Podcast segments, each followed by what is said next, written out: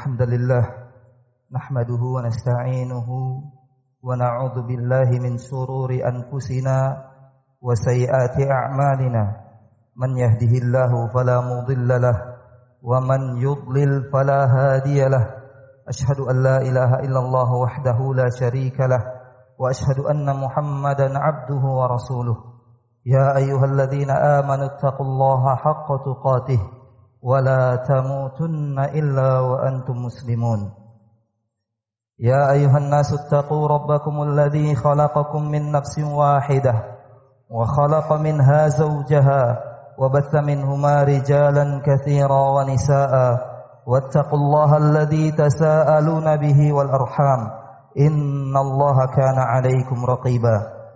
يا أيها الذين آمنوا اتقوا الله وقولوا قولا سديدا. يصلح لكم أعمالكم ويغفر لكم ذنوبكم ومن يطع الله ورسوله فقد فاز فوزا عظيما.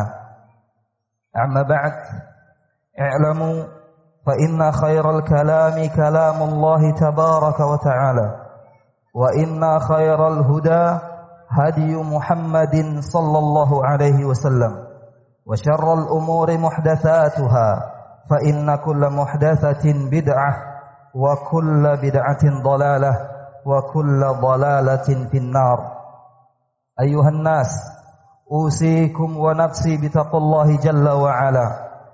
قال الله تبارك وتعالى ولقد وصينا الذين أوتوا الكتاب من قبلكم وإياكم أن اتقوا الله وإن تكفروا فإن لله ما في السماوات وما في الأرض وكان الله غنيا حميدا أيها المسلمون sidang jemaah Jumat yang mudah-mudahan dirahmati dan diberkahi oleh Allah Subhanahu wa taala. Tiada kata dan ucapan yang pantas untuk mengawali majlis dan khutbah ini kecuali ucapan puja dan puji serta rasa syukur kehadiran Allah tabaraka wa taala.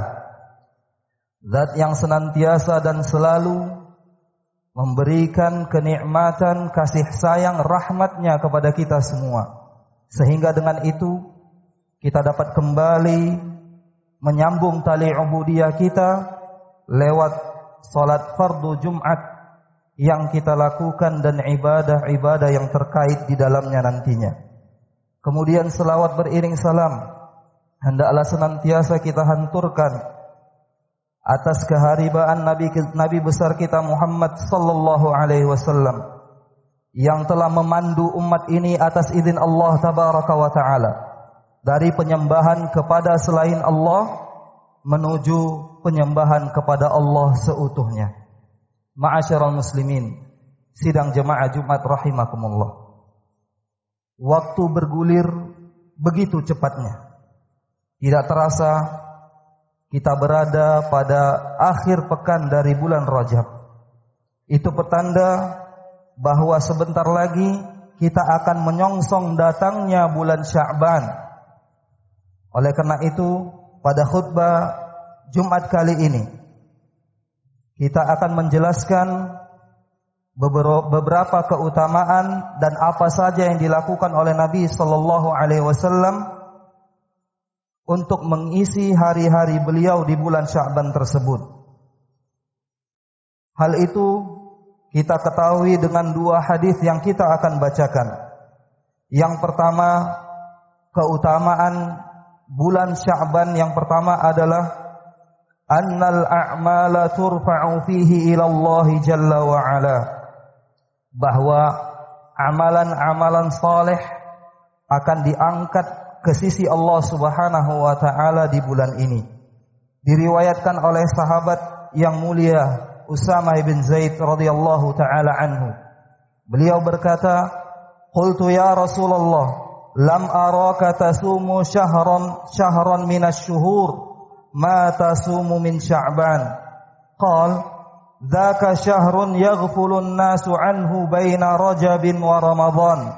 Wa huwa syahr wa huwa syahrun turfa'u fihi al-a'malu ila ila Allah rabbul rabbil alamin fa uhibbu an yurfa'a amali wa ana sha'im rawahu Ahmad wan Nasa'i wa sahhahahu Ibnu Khuzaimah dari Usamah bin Zaid radhiyallahu taala an dia bertanya kepada Nabi sallallahu alaihi wasallam bahwa aku tidak pernah mendapatimu wahai Rasulullah engkau berpuasa satu bulan penuh seperti apa yang engkau lakukan pada bulan Sya'ban. Usamah bin Zaid tidak mendapati Nabi sallallahu alaihi wasallam berpuasa sebulan penuh di luar bulan Ramadan kecuali puasa yang dilakukan oleh Nabi sallallahu alaihi wasallam pada bulan Sya'ban. Lalu Nabi berkata kepadanya, "Dzalika syahrun Bulan Sya'ban tersebut merupakan bulan yang banyak dilupakan oleh manusia karena posisinya berada di antara bulan Rajab dan bulan Ramadan. Dan dia merupakan bulan yang amalan-amalan soleh diangkat ke sisi Allah Subhanahu wa taala padanya. Maka aku sangat menginginkan ketika amalanku diangkat ke sisi Allah Subhanahu wa taala sedangkan aku dalam keadaan berpuasa. Hadis riwayat Ahmad, Nasa'i dan disahihkan oleh Ibnu Khuzaimah rahimahumullahu taala.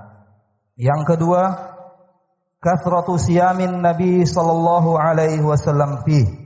Banyaknya Nabi sallallahu alaihi wasallam melakukan ibadah puasa di bulan Sya'ban tersebut sebagaimana yang dituturkan oleh Aisyah radhiyallahu taala anha beliau berkata lam yakun an-nabiy sallallahu alaihi wasallam yasumu syahran aktsaru min sya'ban fa innahu kana yasumu sya'bana kullah rawahu al-bukhari dari Aisyah radhiyallahu taala anha wa ardhaha Tidaklah Nabi sallallahu alaihi wasallam pernah melakukan puasa sebulan penuh di bulan-bulan yang lain kecuali bulan Ramadan sebanyak apa yang beliau lakukan di bulan Sya'ban.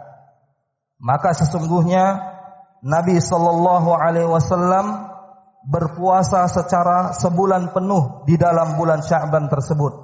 Dalam riwayat lain Nabi sallallahu alaihi wasallam berpuasa di bulan Sya'ban illa qalila kecuali sangat sedikit sekali beliau tidak tidak melakukan puasa di dalamnya. Ma'asyara al-muslimin sidang jamaah Jumat rahimakumullah. Dua hadis ini sangat jelas bagi kita bahwa Nabi sallallahu alaihi wasallam menghidupkan bulan Sya'ban tersebut dari awal hingga akhir dari bulan Sya'ban tersebut. Oleh karenanya kita memohon kepada Allah Subhanahu wa taala agar disampaikannya kita kepada bulan Sya'ban itu dan dimudahkan bagi kita untuk melakukan ketaatan-ketaatan kepada Allah khususnya melakukan ibadah puasa. Barakallahu li wa lakum fil kitab wa sunnah wa nafa'ani Allah wa iyyakum bima fihi ma min al ayati wal burhan wal burhani wal hikmah. Aqulu ma tasma'un fa astaghfirullaha li wa lakum wa li sa'iril muslimin wal muslimat min kulli dhanbin wa khati'ah fastaghfiruh innahu huwal ghafurur rahim.